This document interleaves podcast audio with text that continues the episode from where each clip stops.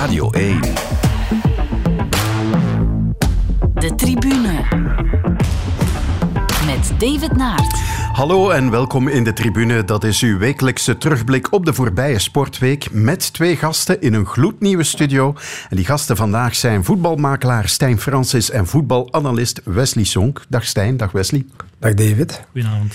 Uh, Stijn, de transfermarkt in België die sluit morgenavond laat pas. En toch vind jij de tijd om hier bij ons aanwezig te zijn.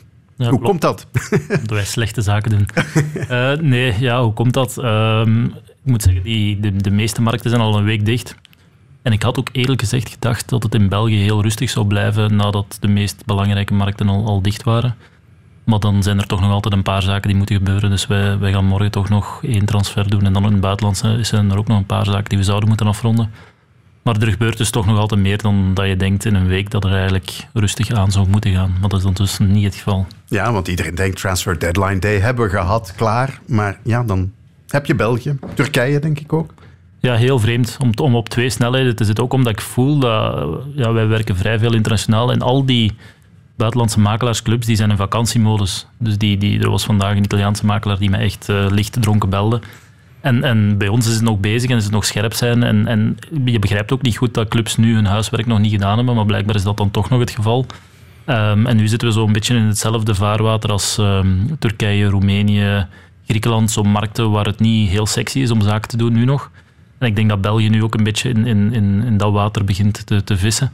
Uh, wat een beetje vreemd is en waar ik niet echt heel blij mee ben. Ik heb liever uh, dat het gewoon 31 augustus is. België, Nederland, Denemarken, Engeland. Alles is dicht. Hm. En wij stoppen er ook mee. En nu 31 augustus is sowieso al te laat. Uh, voor mij mag het stoppen als, als de competitie begint. Ehm, maar ja, de, de, zaken zijn zoals ze zijn. Dus dat moeten wij aanvaarden. Ja. Wesley, jij was in Milaan dit weekend. Dat klopt. Niet om te gaan winkelen. Nee. Uh, ik heb uh, de derby daar gedaan, uh, AC Milan tegen Inter Milan. Het was zeer, zeer lang geleden dat ik een zo'n toffe wedstrijd heb gezien. En dan niet alleen om het, om het voetbaltechnische, maar ook alles wat er rond mm leeft. het publiek was geweldig. Ik, ik heb gehoord 75.000 mensen, dat is top. Maar de sfeer was geweldig. Ehm, je gaat overal in Europa, de laatste jaren kan ik eh, Champions League uh, wedstrijden zien live. En soms kom je wel op plekken waar, het, of waar de sfeer geweldig is. Maar daar in Milaan was het nu toch wel echt top. En wat ik er zo leuk aan vond, is het feit dat er supporters gewoon door elkaar lopen. Mensen met een, een shirt van Inter of AC Milan aan gewoon zij aan zij binnen en buiten komen zingen. No problem. Ik vond dat echt fantastisch. Heel lang geleden dat ik dat gezien heb. Ja, kunnen we ons niets voorstellen hè? hier bij ons. Wel, ik, de in een stadion. Oei, oei. Nee, de reactie die wij hadden is van... Stel je voor dat je een bepaalde topwedstrijd, want dat is het toch, uh, hier in België supporters uh, zo door elkaar zou zien lopen. Wat zou er dan gebeuren? Dat was onze eerste reactie. En we zeiden allemaal gelijk, ja, dat gaat niet.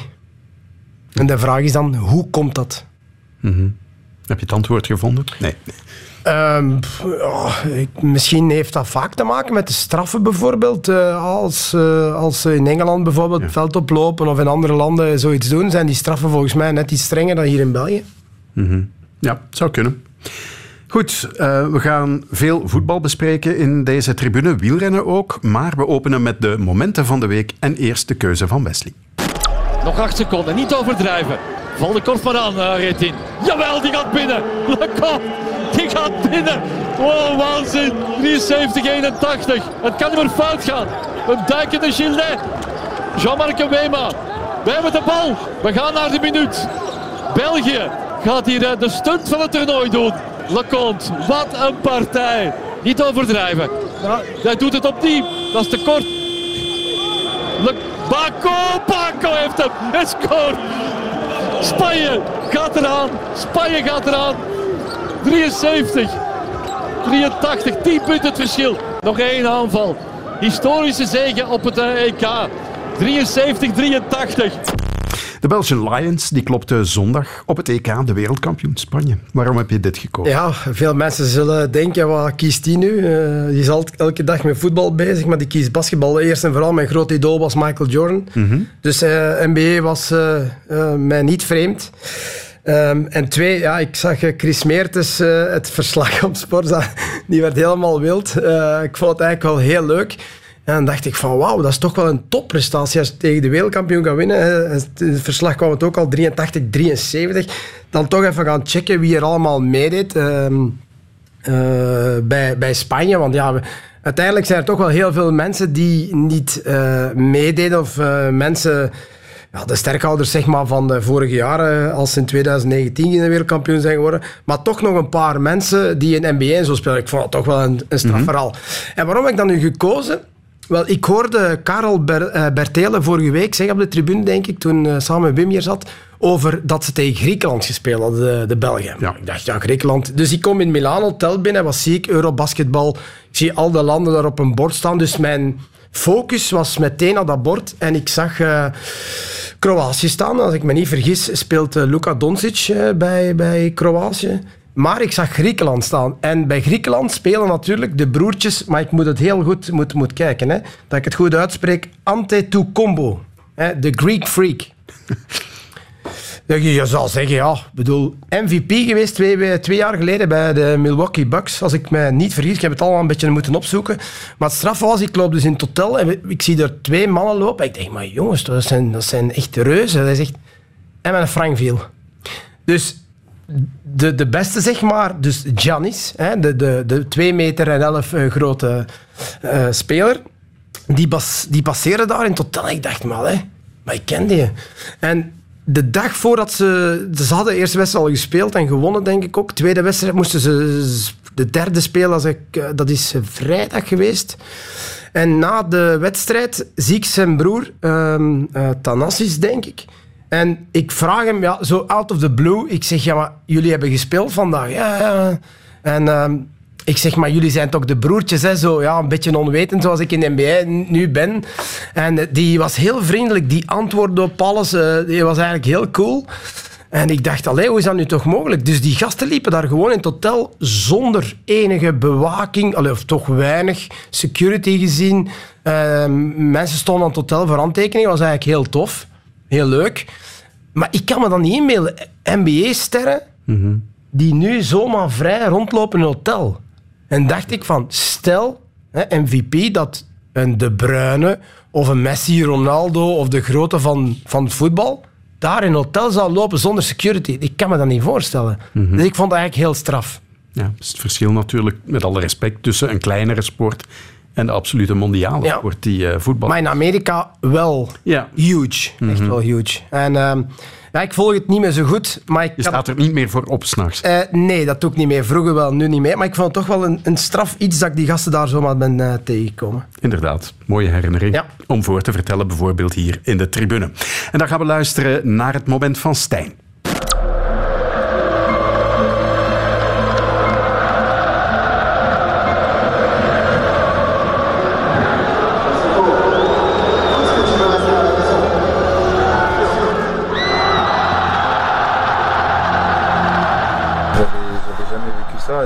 L'impression que c'était un transfert.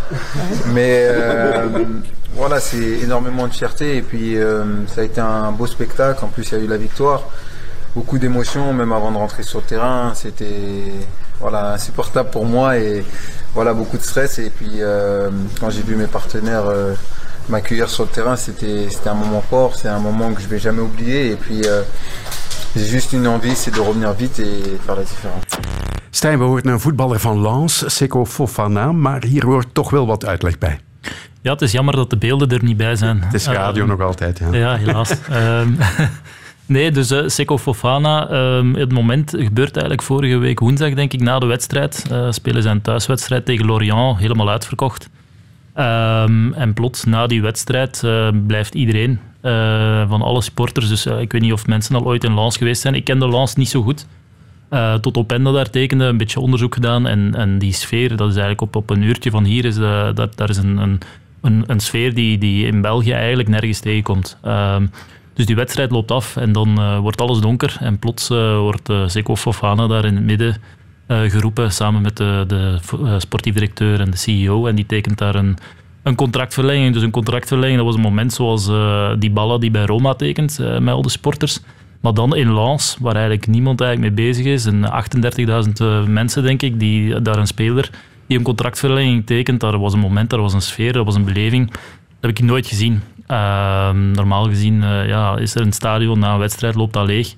Maar voor een contractverlenging, die beleving, die, die, uh, ja, die emotie daarbij, dat was echt, ja, die jongen die was ook in tranen. Dat is iets dat ik nog nooit gezien heb. En, en dat is iets, denk ik, dat mensen ook onvoldoende beseffen. Dat de, ja, supporters kunnen ook wel voor een positieve emotie zorgen. En ik vind dat dat in België nogal vaak eh, de negatieve kant op gaat soms met supporters. Maar als je dat kijkt in Lens, en Wesley zegt het nu ook, Inter, AC Milan. Als dat een positieve beleving is en alles wat daar rond is, kan dat echt zo prachtig zijn. En dan, ja, dan denk ik dat, uh, dat echt de moeite is om naar het stadion te gaan. Want soms denk je, ja, een stadion, dat is veel en dit en dat. Maar als je dat dan ziet en je ziet die mensen en die beleving, dat is echt... Ja, ik denk dat dat ook is wat, wat voetbal uniek maakt. En ja, ik, dat was iets wat ik nog nooit gezien had. Een speler die een contractverlenging tekent in een vol stadion na een wedstrijd, waar eigenlijk ja. woensdagavond iedereen naar huis wil, zou ik denken. 11 uur s'avonds, uh, lichten uit en uh, Sikko Fofana tekent bij. Dat was, ja. Maar hij kon ook naar andere clubs, maar hij bleef Lans toch trouw. Ja, Misschien dat, dat, dat ook, een factor was? Of een slechte makelaar, nee. uh, nee, ik denk dat dat ook al uniek is, want ik denk dat hij een van de beste spelers is in Frankrijk. En dat hij er dan ook bewust voor kiest om daar te verlengen. En dat er ja, ook zo'n moment daaraan gekoppeld is, vind ik ook wel, dat verdient die jongen dat ook echt wel. Dus Club Brugge is... had het misschien kunnen doen nog met Hans van Aken. Club Brugge had dat kunnen doen. Maar, ja, maar als je dan vergelijkt wat dan Hans van Aken tekent bij, wat toch ook echt een, een icoon is van, van Club Brugge en van Belgisch voetbal. Maar die, die beleving daar rond is dan toch helemaal anders. Terwijl Seko Fofana, die tekent daarbij. En echt, uh, ja, als je naar die beelden kijkt, maar fantastisch. Echt fantastisch. Ja, te bekijken op sportsa.be. De tribune. Dinsdagavond sluit de transfermarkt dus in België na een redelijk stabiele mercato waarin voorlopig 115 miljoen euro werd uitgegeven. Sport in het voetbal is de transfer van Cyril Dessers afgerond. Hij verlaat Racing Genk en gaat in de Italiaanse eerste klasse spelen bij Cremonese. Vertongen is 35. Hij speelde nog nooit in de hoogste klasse in België. Vertongen is met 139 selecties voor de Rode Duivels record international. Club Brugge heeft de komst van Casper Nielsen officieel aangekondigd. Een transfer die al lange tijd de geruchtenmolen voedde. De Rode Duivel Toby Alderweireld zal een contract tekenen bij Antwerpen. Frederik Boyata is de nieuwste aanwinst van de landskampioen. Roman Jaremchuk is de nieuwe spits bij landskampioen Club Brugge.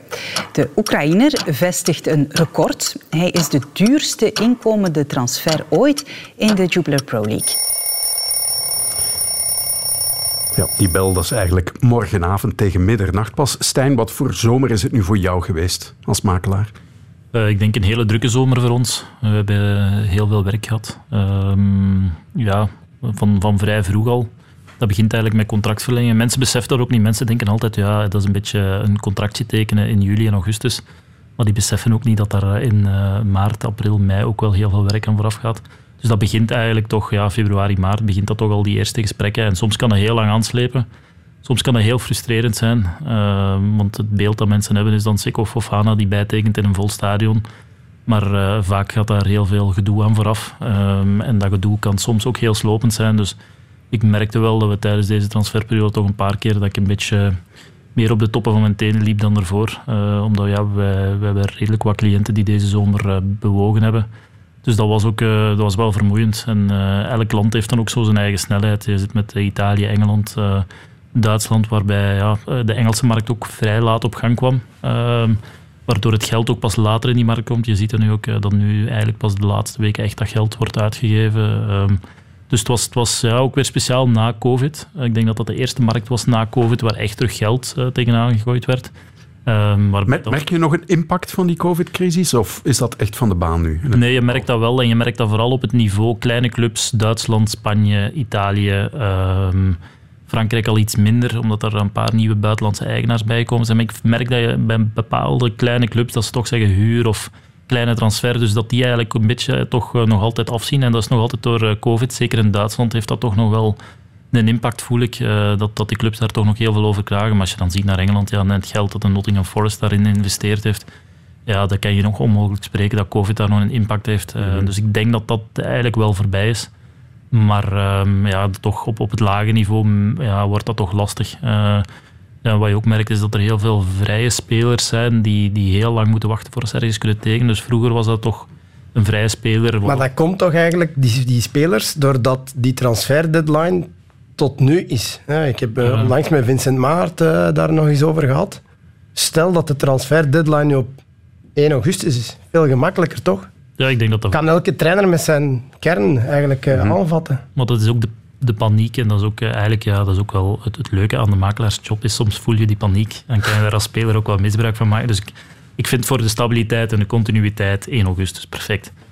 Maar voor de, de schoonheid van de fan en uh, de, de, de, de makelaar, ja, die, die emotie... En die... Maar dan schrijf je dat toch gewoon op?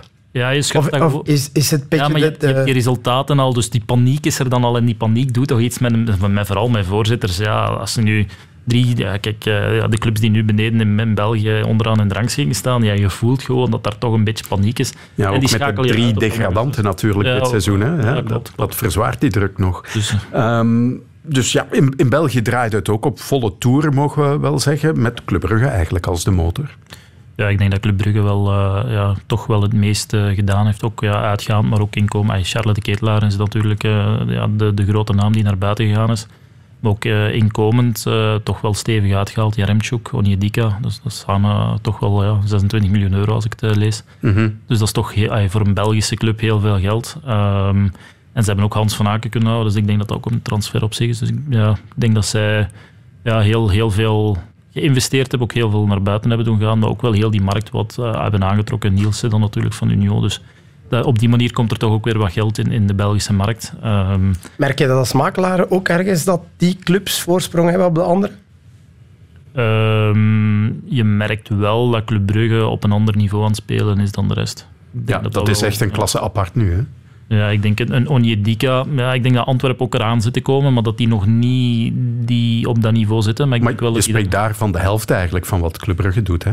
Ja, maar ik denk wel dat ze het zouden kunnen. Mm -hmm. uh, alleen hebben ze nog niet die traditie en, en, is er nog niet genoeg opgebouwd en cultuur opgebouwd om, om spelers ook te overtuigen om voor het project Antwerpen te kiezen. Dan zie je toch vooral dat die Nederlandse jongens dat doen omdat ze vertrouwen hebben in Van Bommel en Overmars.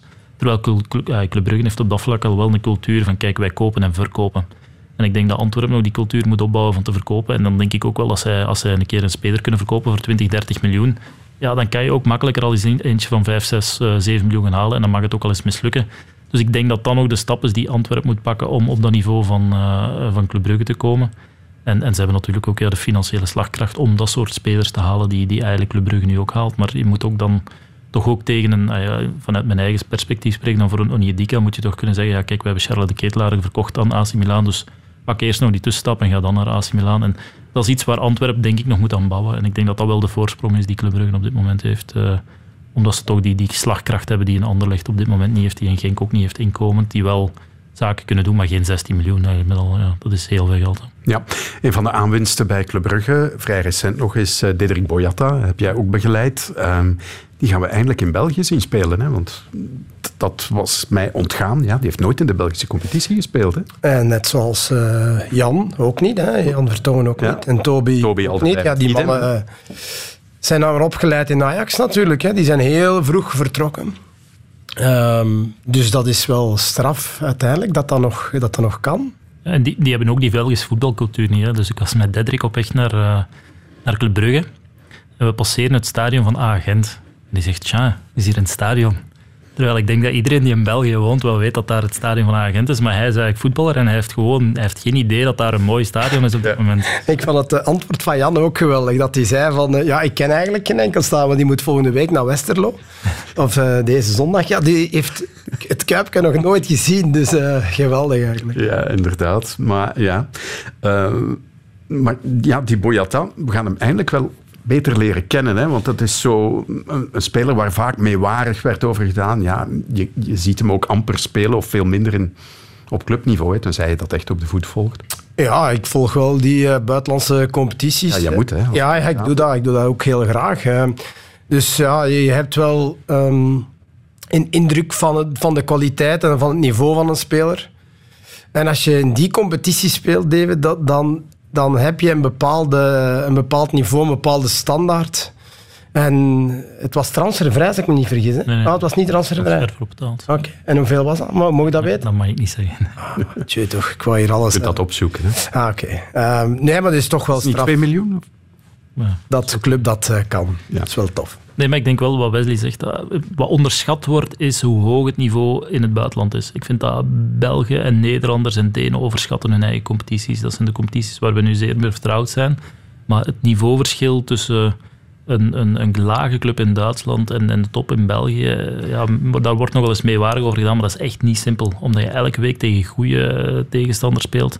Als je in, in Hertha speelt, eh, ja, Hertha, als je kijkt wie daar allemaal rondloopt, lopen jongens met contracten van enkele miljoenen netto per, per uh, jaar rond. Maar jij, jij bekijkt dat in contract, ik bekijk dat in, in niveau. Ja. Ik bedoel, als je in de, voor, uh, in de voorbereiding Nee, ja, of zo toevallig eens een wedstrijd mocht spelen tegen een deftige ploeg, je wordt gewoon soms een kastje aan de muur getikt en dan denk je, ja, dat is maar een middenmotor ergens in uh, een competitie. Ja. Ik word ook ongemakkelijk telkens er een Europese loting is en dan hoor je, oh, haalbare loting. Haal, maar ja, er zijn geen haalbare lotingen meer voor Belgische clubs. Uh, vorige week denk ik alle drie verloren, hè, Belgische clubs, mm -hmm. in de Europa League en, uh, en in de Conference League. Dus makkelijke wedstrijd, dat bestaat niet meer volgens mij. Ja.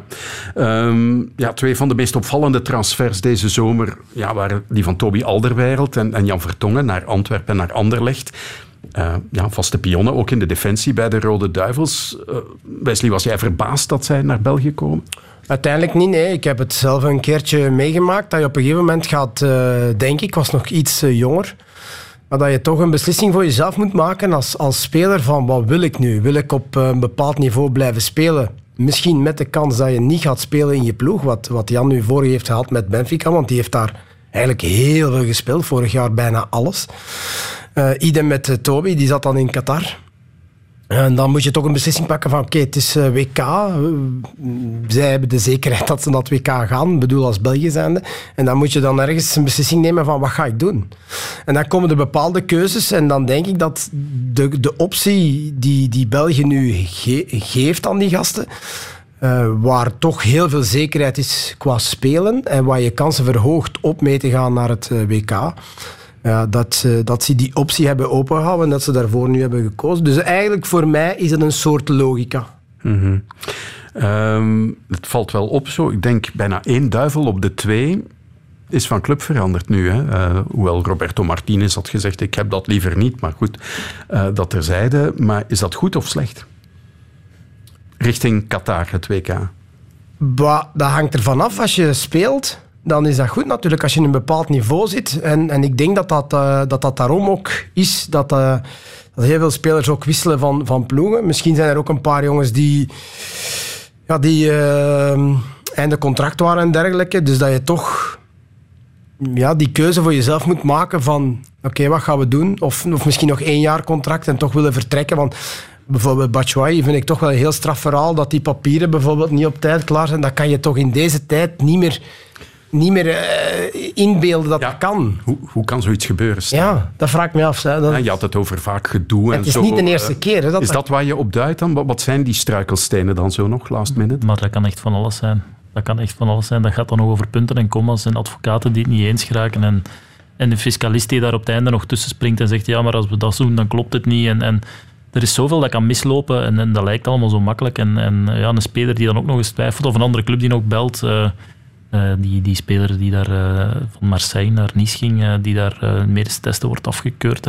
medische testen, ja, of resultaten van de medische testen waar je moet op wachten. daar kan echt zoveel mislopen. Dat, is, ja, dat, is, dat, dat lijkt gewoon maar een documentje tekenen, maar daar zitten zoveel mensen rond tegenwoordig op zo'n transfer. En iedereen wil er dan ook iets over te zeggen. Hè. We hebben nog eens egos van voorzitters, egos van makelaars, egos van spelers die allemaal op punten en commas toch hun belang willen tonen, ja, dan, dan kan het soms wel eens mislopen. En soms loopt het ook gewoon mis, omdat het ja, omdat het gewoon nog misverstanden zijn op de laatste dag. Dat ze zeggen, ja, maar die bonus hadden we zo afgesproken of zo afgesproken. En dan is het het ego wie beweegt het laatst. En dan wachten ze. Ja, ik denk dat wij in Nederland hadden we ook een transfer. Het was uh, 4 voor 12. Uh, mm-hmm. ja, dat was ook de paniek bij die speler. Dat, was, uh, dat is vrij stresserend. Maar die speler was redelijk kalm. Ja. Die, Heb jij ooit ook stress gehad, Wesley, toen je speler was in zo'n transferperiode? Of? Um, nee, um, ik wou ook heel graag bij de, bij de besprekingen zijn. Ik zei dan niet veel. Dat was op het, zeg maar, het tweede stuk. Ik heb altijd één makelaar gehad, die is uh, jammer genoeg uh, onderweg gestorven. En dan uh, beslist om, om iemand anders te nemen op een gegeven moment. En daar was ik altijd bij. Hm. En, ja, je komt wel straffe dingen tegen, maar ik wou dat, ik wou dat weten wat er allemaal omgaat in dat soort onderhandelingen. Ja, ik zie een uh, grote lach op je gelaat. Um, Stijn, uh, een paar van jouw spelers, als ik ze zo mag noemen, uh, wil ik toch nog even bespreken. Dries Mertens, die nu in Turkije zit. waar is dat nu precies fout gelopen tussen hem en Napoli? Dat is een hele goede vraag. Ehm, dat is een vraag waar we eigenlijk niet zeker het antwoord op weten, ook niet. uiteraard zal iedereen zeggen het financieel, maar dat was het eigenlijk niet. Het was... Ehm, het is heel vreemd dat een speler met dat statuut, die vorig jaar denk ik meer dan 10 goals en assists weer had gemaakt in Italië, uh, die het uithangbord is van Napoli, uh, dat er zo lang wordt gewacht om te onderhandelen. Er is zelfs niet echt onderhandeld, vind ik. Uh, dus daar, daar zijn heel veel vragen. Ik denk dat er daar sportief een keuze is gemaakt dat het budget op een andere manier moest besteed worden en dat dat dan vanuit de sportieve cel werd gestuurd om te zeggen van ja kijk, je moet er niet op duwen.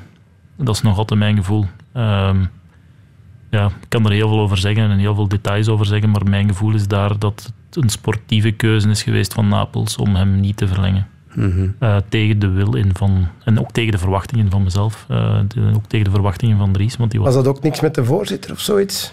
Nee, ik, de enige met wie we eigenlijk contact hebben gehad is de voorzitter. En ik, ik denk nog altijd dat zo'n transfer gestuurd wordt vanuit een coach en een sportief directeur. Als die echt doorduwen wat er in het verleden altijd gebeurd was met Gattuso en daarvoor met Sarri.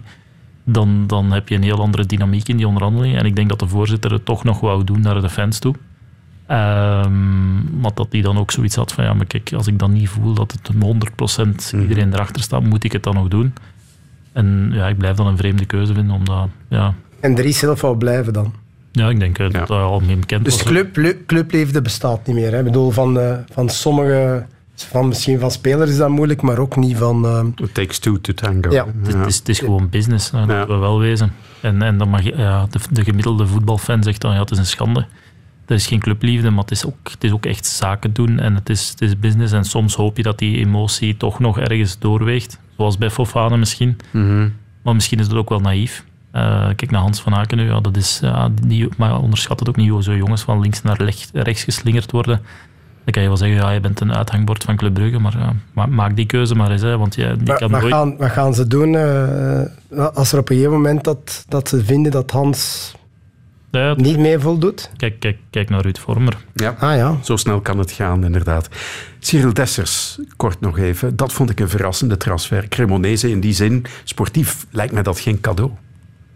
Wat, hoe, hoe, kijk jij daar dan naar dus met, met Dessers ook? Met Cyril hadden we eigenlijk ja, vorig jaar, er was die optie in Feyenoord, waarbij Feyenoord een optie kon lichten zonder contract. En Cyril zei van kijk, na dit seizoen, ik ben topscorer in de Conference League, um, ik heb één droom die nog niet vervuld is. Hij zegt van ik heb al mooie dingen meegemaakt, maar ik wil nog één ding echt doen en dat is in een topcompetitie spelen. Dus we gaan alles op alles zetten om ergens in Serie A, Primera Division, uh, Premier League, uh, Bundesliga terecht te komen. Um, en dan ja, hebben we daarop geduwd. Zijn er wel gesprekken geweest met clubs her en der. Maar dan was toch vrij snel het gevoel bij Cremonese, dat een kleine club is in Italië, dan een promovendus is, dus dat is altijd afwachten. En dat, dat zal een club zijn die een degradatiekandidaat is. Ja, uh, is dat dan de juiste keuze? Maar dat was dan wel de keuze waarbij je in een topcompetitie komt waar je vol nummer 1 bent. Hm. En waar we ook een beetje bezorgd over waren, is van ja, stel dat we nog langer wachten, en stel dat het nu 31 augustus of 28 augustus, dan komt er misschien nog wel iets, maar dan ga je waarschijnlijk een plan B zijn of een plan C zijn. En ga je dan echt kunnen zeggen, ja, ik heb in Serie A of in Primera Division gezeten, of ah ja, misschien vooral gezeten en niet gevoetbald. En nu heeft hij wel elke week de kans. En, en ik vind ook wel dat hij dat heel goed doet voorlopig. Met een, sport, ja, een elftal dat sportief niet heel competitief is, of nog niet heel competitief is. Maar ik ik zie wel dat hij daarvan geniet en dat hij wel beter en beter weet wat er van hem verwacht wordt. Dus die, die droom is gerealiseerd en, en dat was wel veel waard. Want ik denk dat hij als die ja, ook daar weer voor de emotie kiest, dan kiest hij voor Feyenoord. Um, Maar ik denk dat hij nu voor zijn droom gekozen heeft en ik vind dat wel op zich wel mooi. Oké. Straks nog meer over het transferseizoen, maar nu gaan we naar de koers. De tribune. Want dinsdag beginnen de renners aan de slotweek in de Vuelta en Remco Evenepoel rijdt nog altijd in de rode leiderstrui. Ah, versnelling van, ja, ja. Uh, Roglic. Versnelling van Roglic. Roglic opent de debatten. Evenepoel kijkt, kijkt achterom. Ja, kijkt om. Eerste moeilijk moment van Remco Evenepoel in deze ronde van Spanje. Gebeurt op de Sierra de la Pandera. Ja, het was duidelijk niet mijn beste dag, maar uh, Ik denk dat ik al meer tijd heb genomen dan dat hij nu op mij doet. Dus uh, geen, geen reden om te panikeren. We gaan proberen om het morgen te beperken. Dit is gewoon de voet van de klim aanvallen van in de beginnen. Wat is dat hier allemaal? Kijk eens hier, kijk eens hier, kijk eens hier. Kijk naar dat slagveld. Ja, dit is een geweldig beeld. Dit pakt gewoon over. heel goed uit. Tenzij het bluffpoker is. Ja, dan nog. Oh, versnelling van Roglic. Uh, Roglic en O'Connor en Evenepoel die dan een gaatje moet laten. tempo, dat is goed, dat is goed, dat is goed, dat is goed. Hij is nog niet weg, hè? Hij is wel weg. Ja, hij is wel weg. Met een grote versnelling wordt Enrik Mas hier tweede. En hier komt Roglic. Roglic die de schade op um, Mas dan eigenlijk nog redelijk beperkt door die spurt op het einde. En waar stopt de klok dan voor Remco Evenepoel die leider blijft in de ronde van Spanje en dit deze Welta nog altijd kan winnen. Dan komt hij binnen op iets minder dan twee minuten van de winnaar op 1.59. Conclusie, Remco Evenepoel kan in de toekomst een grote ronde winnen. Denk ik dan. Daar denk ik nu aan. Dat is de eerste keer dat je dat zegt, hè? Ja. Na, na, dik twee weken koers. It's, uh, it's true that I know that I can be the first winner of a Grand Tour for Belgium since a long time, um, but we still have six days to go. So uh, I don't want to call myself like that already. But um, yeah, it's obviously. I think for the head, it's it's it's best to just try to stay calm and uh, uh, look at the races day by day. Maar zo heeft Evenepoel in de stand wel anderhalve minuut voorsprong op Roglic en twee minuten op Mas. Ik heb er eerder vandaag over gebeld met de Nederlandse wielerjournalist Thijs Sonneveld. Dag Thijs. Dag. Uh, jij bent niet in de Vuelta, dacht ik. Nee, nee, nee. Ik, ik volg het wel elke dag, maar ik, uh, ik zit aan de andere kant van de wereld. Ik ben uh, al onderweg naar de, het WK en ik maak van de gelegenheid gebruik om daartussen een paar weken vakantie te hebben met mijn gezin.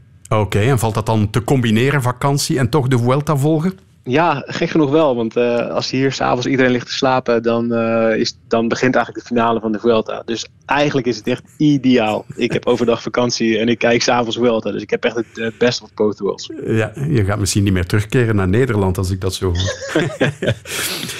nu goed, de Vuelta, ruim twee weken ver. wat vind je van die ronde van Spanje tot nu toe? Uh, ik vind het verrassend leuk eigenlijk. Uh, van tevoren uh, ja, zag het er toch wel een beetje uit dat er een hoop ziek, zwak en misselijke aan de start stonden. Of jongens met wraakgevoelens uit, uit de Tour. Ehm, en ik wist eigenlijk niet zo goed wat, wat er verwachten. Er waren maar weinig renners die echt een hele seizoen op de Vuelta hadden gezet. Maar hoe de Vuelta zich ontspint, ja, ik, ik, vind het eigenlijk wel ontzettend mooi. En ook dat er allerlei nieuwe jonge renners opstaan die ons ja, ongetwijfeld de komende jaren gaan laten genieten en grote rondes gaan domineren. En dan heb je het niet alleen over Remco Evenepoel, denk ik. Nee, zeker wel ook, ook over, over ja. Evenepoel. Daar kan je uiteraard niet omheen. Maar ja, ik ja, kijk ook naar, uh, naar Ayuso, naar Rodriguez, naar uh, Arendsman. Ik denk dat er wel echt in de Vuelta een, nieuwe generatie weer aan het opstaan is. nou, we dachten al dat we allemaal jonkies hadden met, met, met Pogacar voorop. Maar de, ja, de generatie daarachter die, is ook ontzettend goed. En die gaat ook heel snel meedoen om, om, om, ja, om het podium in grote rondes, als ze dat niet nu al doen. Ja, uh, de naam van Remco Evenepoel is al gevallen, onvermijdelijk. Uh, hij heeft natuurlijk ook de rode leiderstrui nog altijd. De vraag die iedereen zich hier nu stel, stelt uh, is, gaat hij echt die ronde van Spanje winnen? Wat denk jij?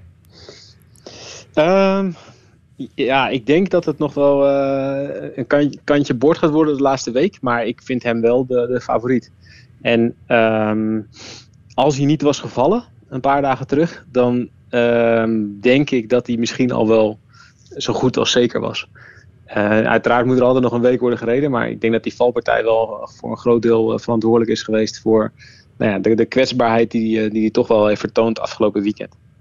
Maar het ergste wat dat betreft lijkt wel achter de rug te zijn, zei hij zelf gisteren ook. Ja, ja nee, je ziet wel duidelijk dat ze, dat ze er wel echt voor hebben gekozen om ja, de, de concurrentie niet veel wijzer te maken.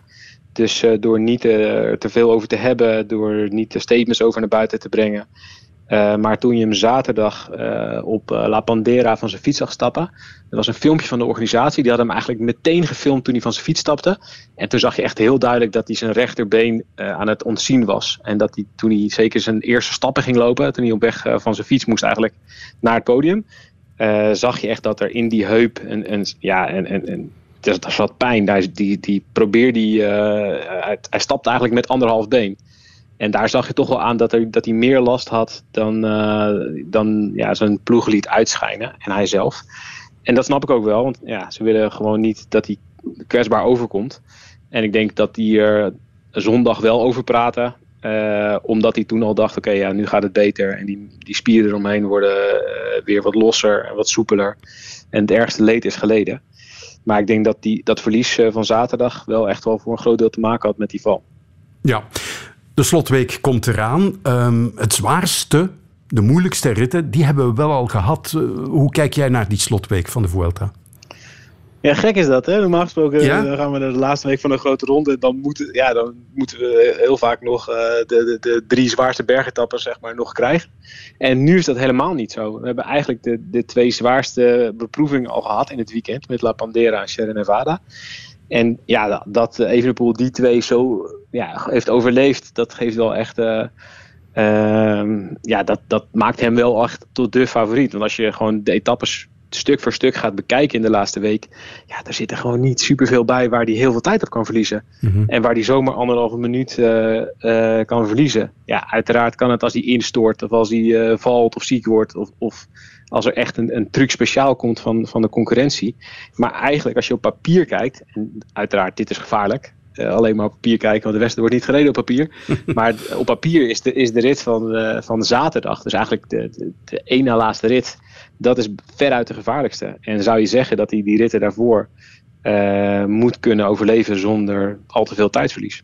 Maar wat de concurrentie betreft, ja, het is misschien riskant om te wachten tot zaterdag op die ene kans. Misschien moet je het eerder gaan doen. Ja. En waar zou dat kunnen gebeuren? Ja, uh, ik, ik, kijk, Jumbo uh, gaat het zeker proberen. Uh, ik, ik, denk dat, dat Movistar, ja, daar zitten niet de meeste tactische grote breinen achter het stuur. en, ook, en ook niet in de koers. Ik denk dat, dat Mas bijvoorbeeld heel, heel graag zou zien dat Valverde af en toe eens een keer wat voor hem zou doen. Of dat hij dat Valverde een keer zich zou opofferen. Maar ja, dat gebeurt eigenlijk niet of nauwelijks. En wellicht dat het in die laatste week wel ergens een keer gebeurt. Maar nou ja, Valverde kennen zal het niet van harte zijn. Maar bij Jumbo-Visma zullen ze, zullen ze zeker alles of niks spelen. Kijk, Movistar die, met Mast, die, die moet nog ergens een beetje... nou ja, een reserve houden, omdat ze bang, ja, ze moeten ook heel veel punten scoren. Dus ze kunnen niet zomaar die derde plek uh, op het spel zetten. Maar Roglic heeft de Vuelta al drie keer gewonnen. Ja, die, het zal hem echt niet schelen of die tweede, derde of zesde wordt als hij niet wint. Dus die gaat zeker nog een keer all in.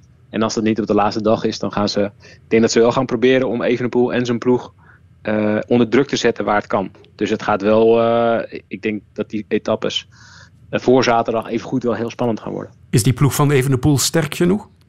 Uh, ik vind het verrassend sterk, ja. In ja. de eerste week dacht ik op een gegeven moment, uh, toen, toen, was dat Evenepoel uh, nog alleen ergens op een beklimming. En toen dacht ik, oeh, dat wordt wel heel lastig. Zeker nadat Alaphilippe ook nog was uitgevallen. Maar eigenlijk, zoals ze deden naar de Sierra Nevada, met twee man vooruit en daarachter ook nog genoeg mensen in steun, ja, was het eigenlijk perfect. En ehm, Jumbo-Visma is denk ik net ietsje sterker, maar zoveel scheelt het niet. Het is niet alsof Jumbo-Visma hier start met de tourploeg uh, waarmee ze honderdduizend uh, opties hebben. Um, ik, ik, denk eerlijk gezegd dat, uh, dat de ploeg behoorlijk sterk is en, en, sterk genoeg zou moeten zijn om de meeste aanvallen af te slaan in dat, in dat middelgebergte waar we nu de komende week veel in gaan verkeren. Primoz Roglic, hoe goed is die nu volgens jou? Is, is hij gegroeid in deze ronde van Spanje? Mm, kan dat ja, eigenlijk wel? Kun je wel groeien in een grote ronde? Nou, dat is sowieso wel echt lastig. Ja. Uh, kijk, ik, ik, denk dat hij altijd een goed basisniveau heeft. En hij, heeft, uh, hij is natuurlijk uitgevallen in de Tour. Hij heeft daarna niet veel kunnen trainen. Is niet op hoogtestage geweest. Ik denk dat je dat ook wel uh, zag op de Sierra Nevada. Waar hij echt in de laatste kilometers al blij was dat hij Evenepoel kon volgen. En als hij echt goed was geweest, dan had hij al veel eerder uit het wiel van Evenepoel weggesprongen. Ja. En nu ging het om een schamele 15 seconden. Ik denk dat dat voor eigenlijk meer een overwinning was voor Evenepoel dan, dan voor Roglic. Um, dus Roglic is zeker niet op zijn best. Maar Roglic is wel een renner met een keiharde kop. En uh, met uh, de ervaring uh, van drie Vuelta-zegers al op zak. En dat maakt hem wel heel erg gevaarlijk. En ja. ook dat hij zeker alles of niks gaat spelen, dat is voor Evenepoel wel echt een enorm gevaar. Ja. Roglic gaat gewoon alles op het spel zetten ergens in een van die ritten. En dan is het voor Evenepoel net zo goed op of erop of eronder.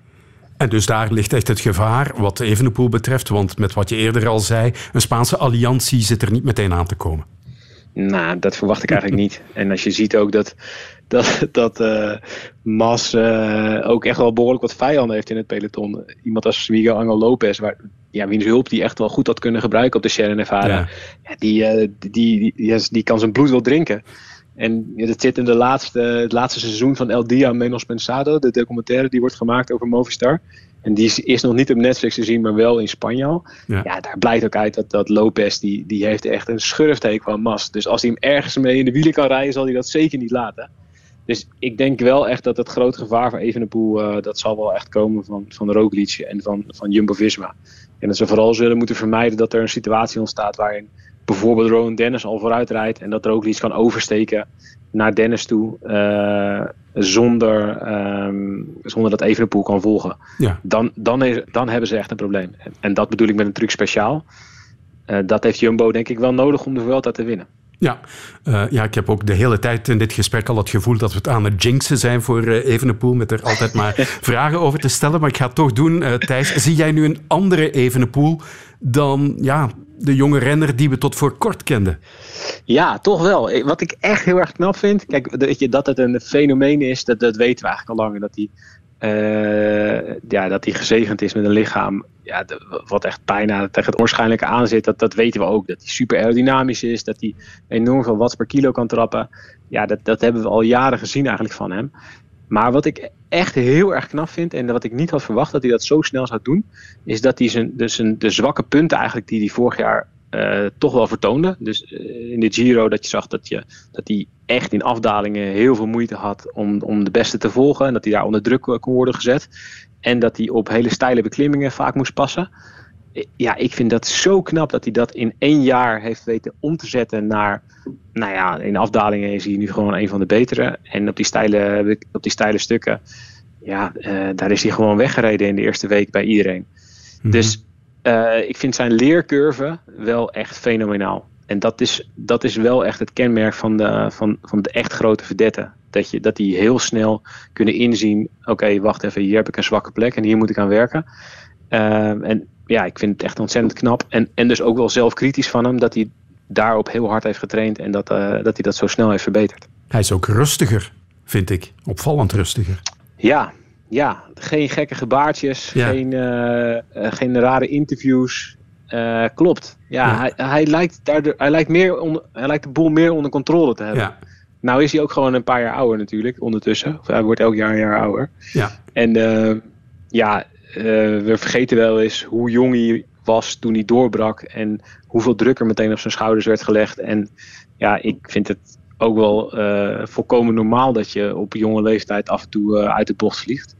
En dat is bij hem, ja, wordt het altijd uitvergroot omdat hij heel goed is. En omdat we met z'n allen heel veel van hem verwachten. En ik denk jullie in Vlaanderen nog veel meer dan de rest van de wereld. Ja, ja Vive le Velo uh, begint vanavond, uh, Thijs. Ja. Dan weet je wel hoe laat het is. ik hoop voor jullie dat het geen jinx is. Ja. Nee, ja. Je zou toch zeggen, met, met, met hoe snel hij leert, uh, zou je zeggen dat een, gro een, grote ronde winnen een kwestie van tijd is. En of het nou deze Vuelta is of, of een andere keer, ja, dat moet ervan komen. Ja. Hij is zo goed, hij, als hij zo rustig kan blijven en als hij zo goed aan zijn, aan zijn zwakke punten kan werken, dan gaat het er ooit een keer van komen. En ooit kan wel eens volgende week zijn. Of hij nu de Vuelta wint of niet, zou jij hem volgend jaar de Tour al laten rijden? Lefevre lijkt dat no nog niet echt van plan, al klinkt hij toch niet meer zo formeel daarin als vroeger. Uh... Nou ja, ik zou eerder, eerder, eerder niet dan wel. Ja. Uh, kijk, volgens mij is er maar één manier, als je, zijn, als je kijkt naar, naar de. Ja, hij, gaat nog, nog makkelijk tien jaar mee. Uh, dat is nog een, nog een voorzichtige schatting. Als je hem maar niet opbrandt. Dus ja, ik denk met dit soort extreme talenten. Um, ja, het enige wat je waar je heel veel erg voor moet uitkijken, is dat je niet ze te veel hooi op een vork laat nemen. En hij wil zelf heel graag. En hij wil zelf heel graag alles heel snel.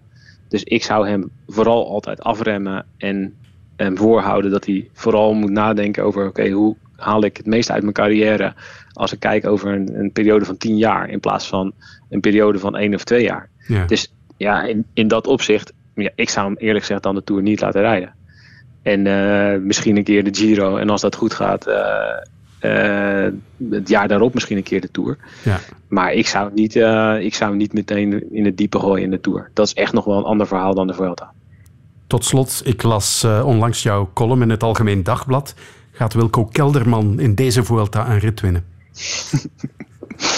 Nee, ik vrees het niet. Dat is ongelooflijk, hè?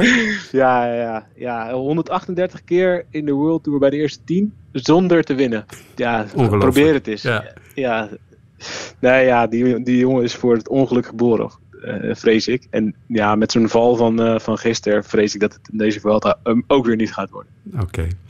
Dan duimen we in een van de volgende wedstrijden. Thijs, bedankt om tijdens je vakantie even aan de lijn te komen en geniet er nog van daar. Ja, jullie ook. Geniet van die laatste week van Evenepoel. Gaan we doen. Radio 1. De tribune. De tribune op Radio 1, zo moet dat zijn. En wij keren met mijn gasten Stijn Francis en Wesley Song terug naar het transferseizoen in het voetbal, waar de toon al maar meer wordt gezet door de Premier League. Met een transferomzet van 2,2 miljard euro werd daar een nieuw record gevestigd. 2,2 miljard, dat is nog meer dan wat de Bundesliga, de Ligue A, de Serie A en La Liga samen hebben uitgegeven. Wat denkt een makelaar als hij dat hoort, Stijn? Wesley, ik ga het jou ook vragen hoor. Dadelijk. Ik kan zijn gedachten al lezen. Ik weet, wat Wesley denkt dat ik denk, maar ik ga het toch niet zeggen. Uh, nee, um, ja, wat denk ik dan? Ja, het is, um, voor mij is de Premier League de NBA geworden van het voetbal. Um, heel simpel. Dat is gewoon een, ander, uh, een andere wereld. Uh, dat zijn andere bedragen. Dat is, daar kan je gewoon als, als niet-Engelse club onmogelijk mee concurreren. zelfs, zelfs de grote clubs. Dus ik denk dat die, die, ja, die kleine clubs, Ginder, die, die zijn dermate slagkrachtig. Als je kijkt naar uh, Nottingham Forest, ja, wat, wat, een, wat een investeringen dat zij gedaan hebben. Maar ja, als je dan ook ziet andere kleinere clubs, maar op zich mag je dat geen kleine clubs noemen, dat zijn gewoon gigantische clubs uh, die, die doen investeringen. Als je dan ziet nog wat ja, Southampton koopt, denk ik, Lavia denk, op heel het begin, en die kunnen bijna verkopen voor 50 miljoen aan Chelsea. Die, die wereld is helemaal gek. En 50 miljoen is niet veel geld. Daar wordt eigenlijk niet meer van opgekeken, van 50 mhm. miljoen euro. Terwijl hier in België, als Charles de Ketelaar 30 miljoen denkt, hier van ja, gek. Als je dan ziet, en, en dat is een beetje onderbelicht misschien, is de jongen die van, uh, van Lille naar uh, Everton gegaan is. Zijn naam ontglipt nu. Amadou Nana. Ja, dat is 40 miljoen. En ook daar wordt in Engeland eigenlijk ah, ja, 40 miljoen. Uh, terwijl voor ons, ja, er is drie weken geschreven over die 30 miljoen of 35 miljoen. Terwijl ja, daar, ja, op, op Engels niveau is dat gewoon van, ja oké, okay, dan, dan kom je erbij en ben je nog niet eens zeker dat je basisspeler bent. Mhm. dat, is, dat, dat is gewoon het, het, niveauverschil. Terwijl voor, voor Milan is dat de grootste transfer. En voor een Engelse Everton, dat eigenlijk een, op dit moment een beetje meeloper is in de Engelse Premier League, is dat gewoon, ja, oké, 40 miljoen is 40 miljoen. En uh, ja, uh, morgen, morgen een nieuwe transfer. Dus dat, is, uh, ja, dat is echt bijzonder. Wat, wat, denk jij, Wesley? Wel, ten eerste vind ik het, het eigenlijk het zelf naar het belachelijke toegaan in de zin van dat een ploeg zoals uh, Stijn zegt, um, een Leeds of een Everton of een, een kleine ploeg, Nottingham Forest, zulke investeringen kan doen. Mhm. En dat uh, inderdaad een Milan en een Bayern München, die misschien wel ook nog wel wat uh, transfer kan, kan doen, dat dat allemaal toch ja, tien keer zal moeten over nagedacht worden. Ik heb ook even opgelijst. Er zijn de, de, van de tien uh, toptransfers, de meeste geld, zijn er acht van de Premier League. Maar dat is eigenlijk logisch, want in de Premier League krijg je gewoon een zak geld. Ik bedoel, dat is het oneerlijke ten opzichte van, uh, van andere competities, vind ik. Ik heb jaren La Liga van dichtbij gevolgd totdat Messi vertrokken is naar PSG. La Liga was voor mij de betere competitie. Mhm. Alleen dat is een ander voetbal, maar voetbaltechnisch is dat veel beter het tempo ligt gewoon veel hoger in Engeland. Maar ik denk, uh, wat ik daar straks zou zeggen, wat een makelaar denkt van ja, ik zal mijn spelers naar de Premier League moeten doen, want daar is het meeste te rapen. Maar wat vind ik toch wel super van Charles de Ketelaar om te zeggen, ik ga niet naar Leeds, ik ga naar Milan. Want ik wil naar Milan. En ehm, dat vind ik, uh, vind ik echt top. Echt waar. Mhm. Respect. Ja, uh, in de tijd las ik uh, afgelopen weekend ehm, de vermalendijde Super League. Ja, die is er. Zij heet alleen de Premier League. Nee, klopt. Ja. Ik denk dat die er al een tijdje is hoor. Dat is mooi omschreven eigenlijk. Ja. Ehm, alleen ja, de Super League leek me dan toch nog een iets aantrekkelijk concept. Nu, ik weet dat heel veel voetbalfans uh, dat totaal niet aantrekkelijk vinden, maar het lijkt me toch leuker om een internationale Super League te hebben dan een, een Super League die geconcentreerd is in Engeland, met ook clubs die eigenlijk toch minder die, die, die, die traditie hebben in het Europese voetbal. Dus ik denk dat dat... Ja. Want dus, ja, je kan daar niet tegengaan. Ik denk dat die Engelse Premier League op vlak van tv-rechten, ja, die hebben een geniale zet gedaan een twintigtal jaar geleden en, en die profiteren daar nu allemaal van. En ja, wat ik in het begin al zei, voetbal is business geworden. En dat blijkt dat die Engelse Premier League, ja, die, Ja. daar kan niemand nog mee mee. Die Super League is misschien ook de enige manier voor de continentale topclubs om de financiële kloof met Engeland iets of wat te dichten. Ja, denk ik ook. Ik denk dat dat de enige manier is. En ik denk ook wel dat ze dat beseffen. Ik denk ook, eh, ja, dat kwam vooral vanuit Juventus, dacht ik. eh. Ja, maar Juventus staat niet op die lijst hier hè, van transfers. Dat is Nee. de waar, het, of het waarom eigenlijk dat ze die, die Super League willen doen. Hè. Ja. Die, die grote ploegen, wat ik zei, van, eh, van Juve of Bayern eh, of andere teams, zeg maar, die, die elk jaar kunnen meedoen in de Champions League voor de overwinning, ja, die staan daar niet tussen. Hè. Dat, dat is eigenlijk het straffe, vind ik, van, eh, ja, van, van alles wat er gebeurt. eh. Ja. En ja, Ja, dat, dat zelfs een, een nieuwkomer als Nottingham Forest, we hebben het er al een paar keer over gehad, meer uitgeeft dan het gerenommeerde Barcelona. Oké, dat zit in een moeilijke context. De vergelijking is, is ja, moeilijk te maken, maar ja, het zegt wel alles. Het zegt alles en toch wint Real Madrid de Champions League. Voorspelt Grace Note vandaag. Ah, is het waar? Ja. Eh, is het ja. waar? Ja. En Stijn Francis. Ja, nee, en, eh, los van, van dit seizoen. Maar eh, dat vind ik dan ook wel mooi. Dat het ondanks al dat geld dat er daar naar die Premier League vloeit, dat Real Madrid dan toch nog altijd kan meedoen. Ehm, dus dat, dat stemt mij toch nog altijd hoopvol dat, het, dat die topclubs van de andere topcompetities toch nog altijd hun zeg kunnen doen. Maar hoe lang kunnen zij hun zeg blijven doen? Mhm. Dat is een beetje de bezorgdheid, denk ik. En daarvoor kan die Super League inderdaad eh, een alternatief zijn of een, of een tegenpool zijn, dat dat toch wat tegengaat. Ja, Wesley, jij gaat de Champions League ook weer volgen voor eh, Proximus Pix. klopt. Op wie zet jij je geld in? Ehm, ik, eh, ik zou zeggen weer City. Omdat ze er eh, toch altijd al redelijk dichtbij zijn geweest. Maar ik denk dat ze nu de ontbrekende schakel hebben gevonden. Mhm. Om, als het een keer anders moet, kan het ook anders op dit moment. En ze hebben daar een jongen lopen, die heeft maar 60 miljoen gekost. Ehm, Koop je. ja, eigenlijk is dat... Als je dan kijkt naar die andere spelers. Hè, Anthony van Ajax was de 100 miljoen. Haaland die eh, legt er de ene na de andere binnen. Die heeft nog groeimarge, want die is nog maar redelijk jong. En die kost maar 60 miljoen. Maar ik denk dat dat voor zulke ploegen... ehm, ja, wel, ik denk dan sportief Mhm. een zeer grote meerwaarde kan zijn. Ja. Eh, Stijn, jij zei daarnet, eh Belgische, Nederlandse, de Deense clubs ook overschatten hun eigen competitie. Eh Club Brugge opent nu de Champions League tegen Bayer Leverkusen, dat een moeilijk seizoensbegin kent in de Bundesliga. Wat denk je? Maar ik ben het al niet met akkoord met wat Francis zegt, eh, Stijn zegt sorry, ehm, over het feit dat wij onze competitie overschatten. Ik vind dat er heel veel buitenlanders naar hier komen en je ziet dat wekelijks en die toch moeilijk hebben met niveau.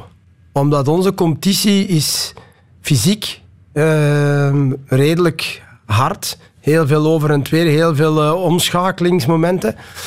Ehm, dus op dat gebied is er geen overschatting. Maar, en dat is het andere, er is wel nog een kloof met de, met de, met de topcompetities.